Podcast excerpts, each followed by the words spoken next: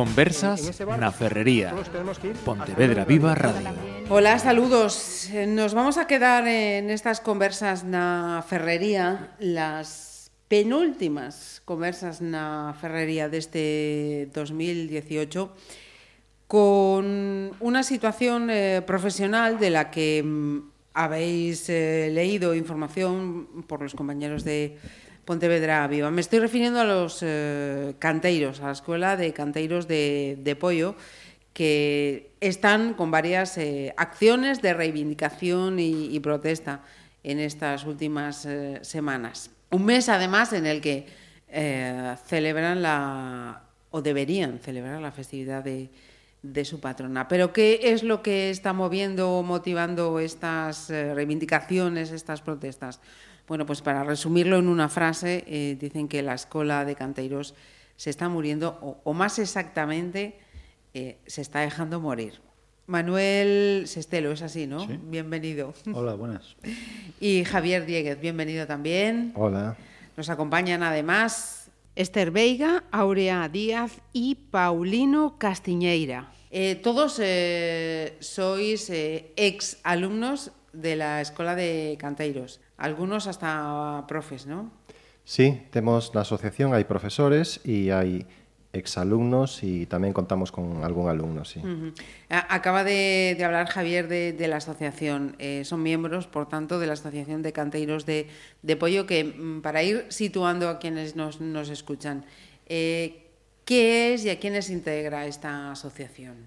Sí, pois a Asociación Canteiros de Pollo, bueno, que nos nos reuníamos na escola xa cando éramos alumnos, non? Eh, entramos sobre o 95 ou así que empezamos a facer reunións porque xa desde aquelas pedíamos a homologación do título de canteiro que non nos parecía normal que, que isto estivera así e, e despois na nosa estancia de alumnos eh, estivemos demandando todo eso e, e o sair en, en 2008 decidimos constituir unha asociación e legalizala na Xunta de Galicia e constituirnos como asociación para levar un xa desde fora pois unha reivindicación. Uh -huh. ¿no?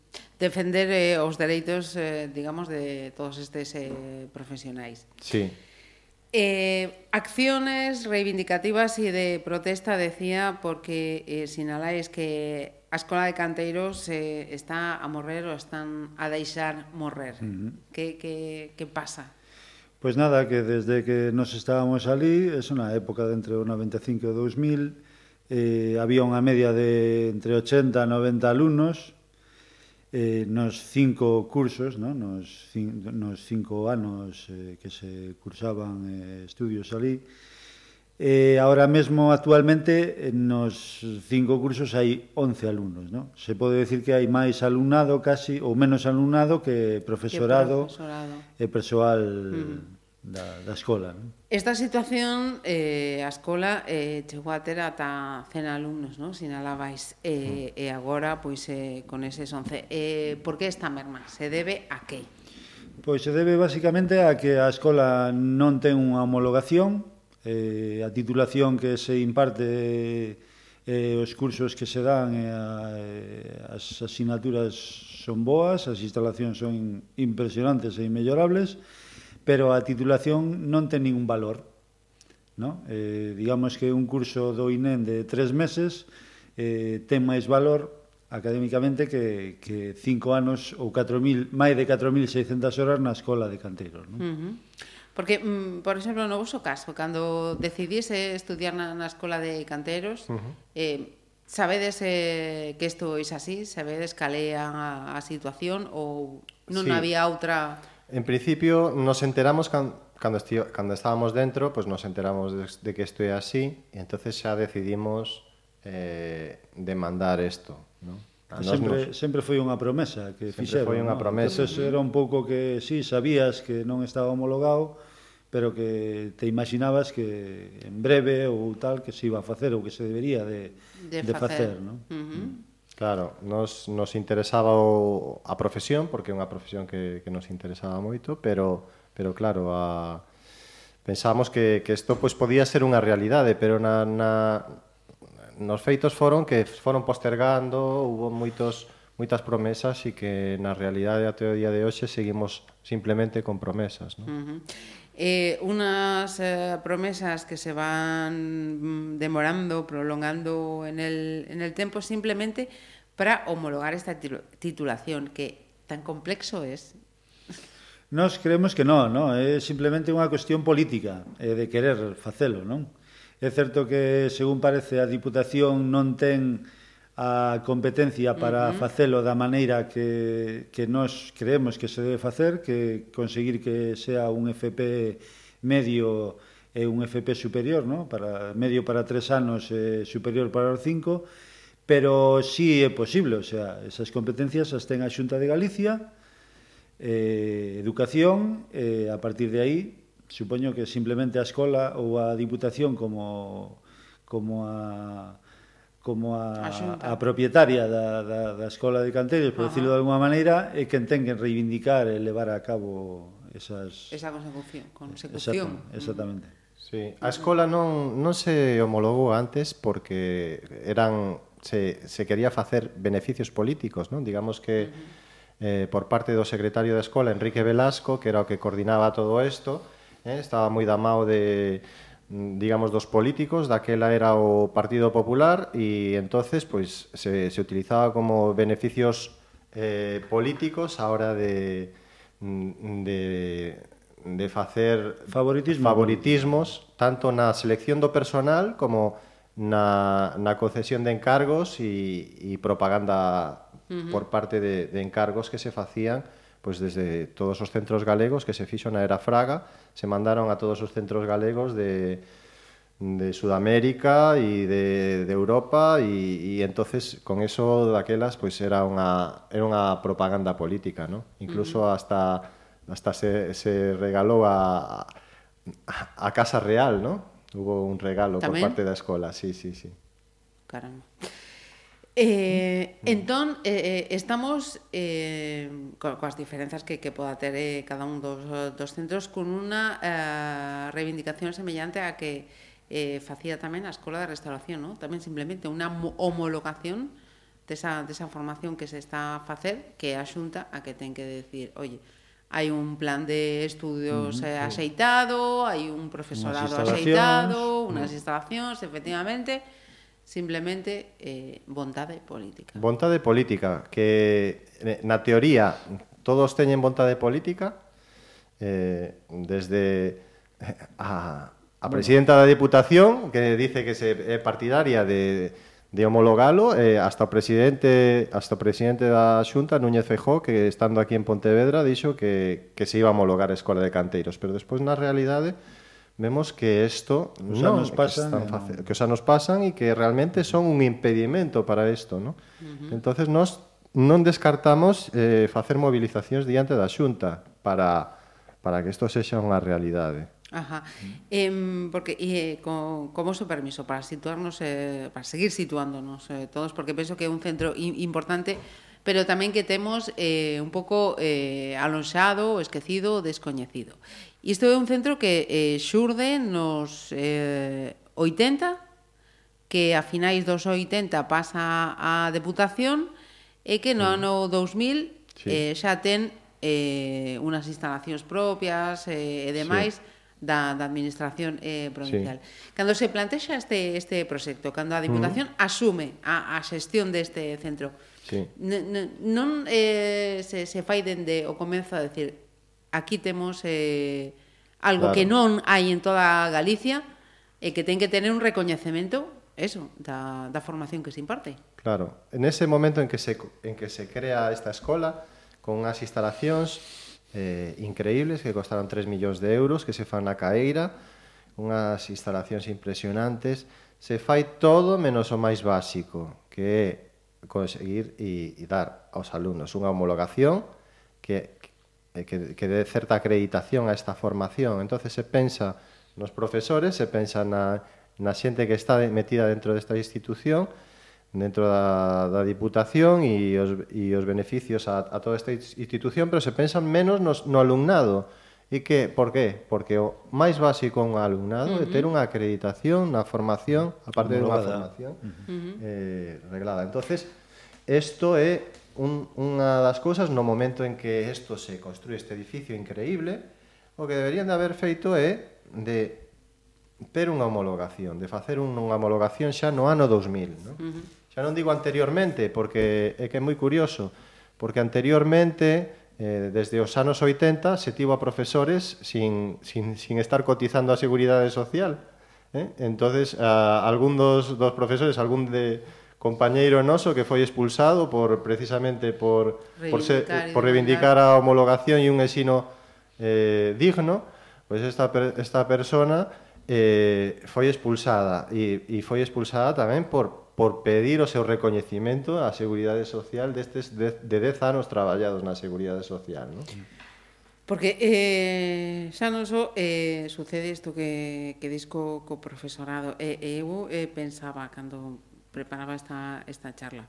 Eh, o centro eh, mm, podería ser hoxe en día mm, algo eh, importantísimo tendo en conta que aquí chegaron a, a estar estudando alumnos non só de fora de Galicia, senón de fora de España, ¿no? Que sí, viñeron aquí a, a sí, formarse. Sí. sí, viña xente de outros países, ¿no? Como... Sí, sí. De Italia, de De Alemania, creo de Alemania, que tamén... temos eh, de, uh -huh. de varios países, sí. Ajá. Uh -huh. O sea que é un potencial é importante o que poderíamos sí, ter, sí, ter aquí, claro.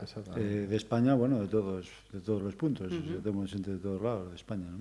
porque como decía, estamos a falar do único centro destas características en toda en Sí, toda o único e o, o sea, mellor. Me refiero formación que non sea a través deses O único e o máis do, do o máis coas, insta, coas instalacións máis importantes, mm. No, de todo España. Non hai, o sea, tens unha escola como a de Macael que Como a de, perdón. Como a de Macael en, en Andalucía, Ajá. que vamos... Da eh, Almería, creo. Unha Almería, sí. sí. Uh -huh. Non lle chega... a, nin a mitad esta, non? Ajá.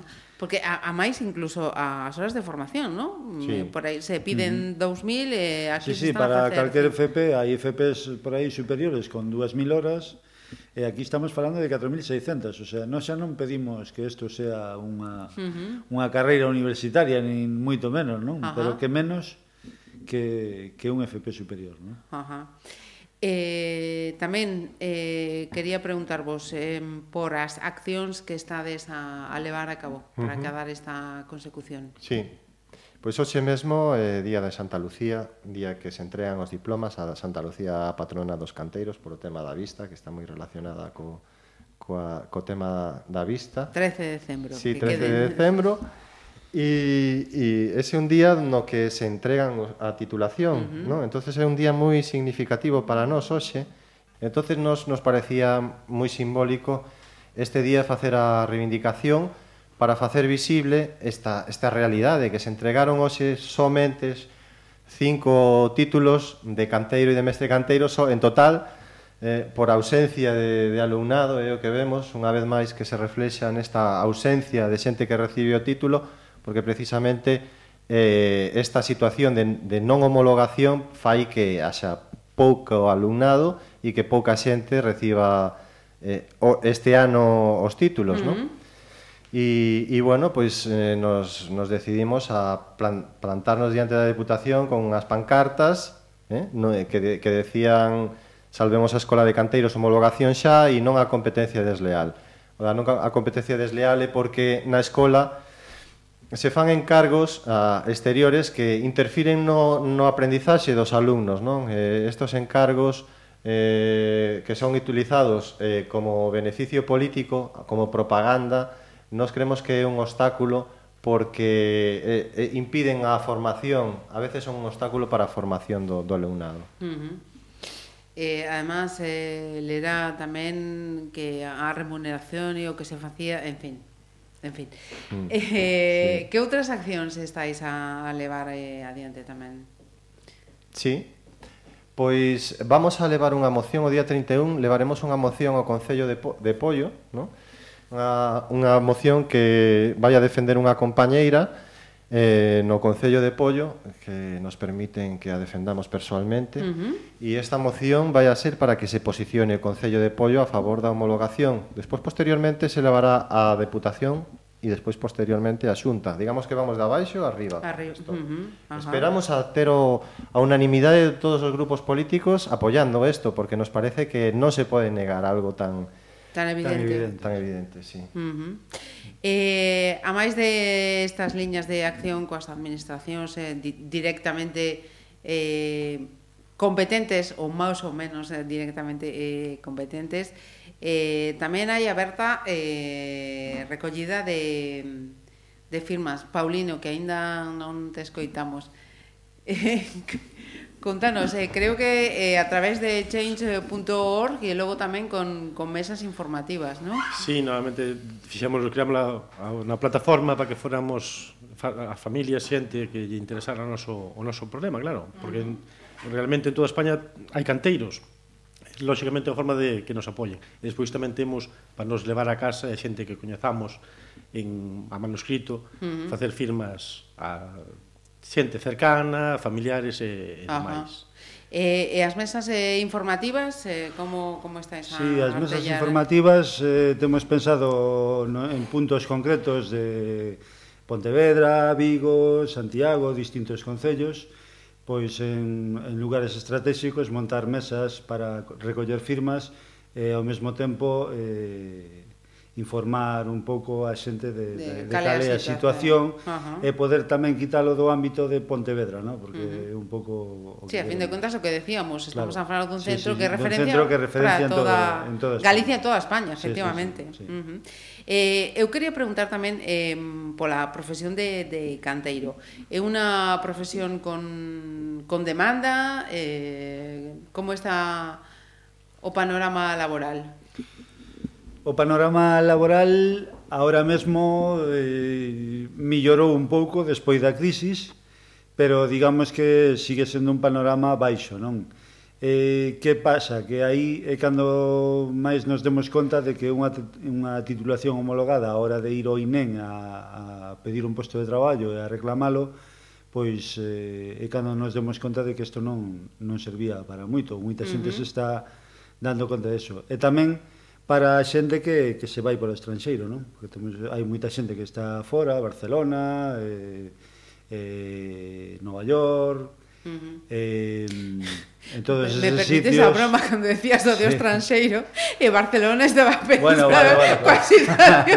vale por, por decirlo de alguna Fora de Galicia non? perdón, eh, con por permiso había que poñer o entendo, entendo Eh... ese é a xente que máis que máis sinte que a homologación non estea eh, Ajá. Eh, feita, claro. non? Que non se haya levado a cabo porque claro, chegas ao exterior, eh, che piden unha formación uh eh, -huh. e eh, non a teis. Ajá. Non, non, non a podes Entón, eh, de, demanda hai, o problema é iso, que o vas coas manos, claro, coas mans claro. vacías. O sea, antiguamente eh, todo o mundo que salía da escola era unha das cousas que eles tamén recalcaban, no? que todo o mundo conseguía traballo, que uh -huh. salía da escola, pero claro, eh, antes da crisis todo o mundo tiña traballo, os que uh -huh. estaban na escola e os que non. Uh -huh. O sea, e agora pois eh, atopan cando, este este problema. E topas con ese problema. Eh, a retribución salarial é unha profesión na ben retribuída ou... é unha profesión máis ou menos retribuída, depende de, de, de como vexas, non? Pero bueno, os soldos son os que hai en todas as profesións, non pasarían moito máis de aí, uh -huh. pero sí cara a xente que se vai afora, sobre todo, ou que ten unha titulación homologada, en moitos casos, sí podrían cobrar máis, eh, ter millor soldo que si, que si non tes unha titulación uh -huh. reglada. Non? Eh, temos os, eh, nesta mesa a tres homes e dúas mulleres. Eh, eu eh, falaba antes de, de abrir os micrófonos con Manuel e, e Javier, eh, hai mulleres canteiras e eles decían, sí, por suposto, eh, eh, temos unha representación, eh, poden decir, eh, rompemos eh, un, un tópico, ¿no? Eu estaba a ler eh, informacións e tal e falaban un traballo que require unhas cualidades tan... Non, as mulleres tamén podemos ser canteiras e sodes canteiras. Sí, Contame, sí. por favor. Sí, eh, cando entrei na escola xa había, xa había varias mulleres e xa pasaran por a escola outras mulleres eh, e aparte moi boas e seguiron entrando mulleres sempre uh -huh. e inda que a veces éramos poucas e a veces máis, pois sempre, sempre houve mulleres sí. uh -huh. A día de, de hoxe, cantas sodes na, na asociación? Xa non sei se preguntar na, na, mulleres, na escola Podemos estar media dúcia ou millor ou... Sí, Ajá. Uh -huh. eh, novas Hai de todas as edades, sí. sí. digamos que sí. de 40... Ah, ah por favor, Manuel. digamos que entre 40, uh -huh. 30, por aí, ¿no? Un pouco uh -huh. por aí. Ajá. E, e os máis eh, novos, eh, por que deciden esta, esta profesión? Que contan, que din? Tanto eles como elas? Pois pues, supoño que polo mesmo que a escollemos nós, ¿no? Porque, pois pues, porque lles gusta a pedra, porque en certo modo... Eh, hai... É manter un patrimonio. É manter un patrimonio, aquí... temos un patrimonio bestial uh -huh. para a restauración e eh, para tal E inda que ahora mismo co tema da crise e todo eso, pois non haya traballo non só en este sector, non, sino en todos, eu penso que no futuro, e tal e como se está plantexando a historia e, e o que está pasando coa escola e todo, no futuro cada vez habrá máis escasez de profesionales para uh -huh. restaurar e para outros traballos, eh, eu penso que nun plazo de 8 ou 10 anos vai a ser un, un oficio con, moi, con, moito, con moita prospección e moito futuro, non? Fíjate que mmm, cando estabas a decir eso, eh, eu lembraba eh, algúns eh, titulares que, que lera estes días eh, que falaban da, da, da profesión de canteiro como unha profesión eh, casi casi a desaparecer. Uh -huh. Vos eh, negáis a maior. É unha mm. profesión con futuro, con saída... É unha profesión eh... con futuro, sí, porque temos moitísimo patrimonio, non? Eh, sí, aparte tamén a escola é, é que é importante enfocar hacia hacia o deseño, non? A, os canteiros tamén teñen que utilizar os ordenadores hoxe en día, non? Uh -huh. Digamos que, que temos que ir co tempo, eh, actualizarnos no, no sentido dos novos diseños, da estética, eh, tanto de mobiliario como de mm, arquitectónico, e que un canteiro de hoxe en día ten que ser un canteiro que teña un, un sentido estético e un valor estético de acordo aos tempos contemporáneos, ¿no? Uh -huh. De acordo a un, a un diseño e a, e a época, digamos, contemporánea na que utilicemos tanto o punteiro como o ordenador. Uh -huh. Creo que un pouco esa, esas dúas cousas, esa uh -huh. mestura. Ten que haber un, es un híbrido entre... Uh -huh entre o manual do, do punteiro e, e o tecnolóxico de ordenadores e, e de máquinas, ¿no? De... Ajá. Sí. E, e outra constante de rematar, se mm, Se acaba esta, este recoñecemento, esta, esta homologación. Que pasa cos que xa rematasteis os estudos? Bueno, ese é un punto que tamén estamos tratando de que, claro, que non nos deixen de lado, non?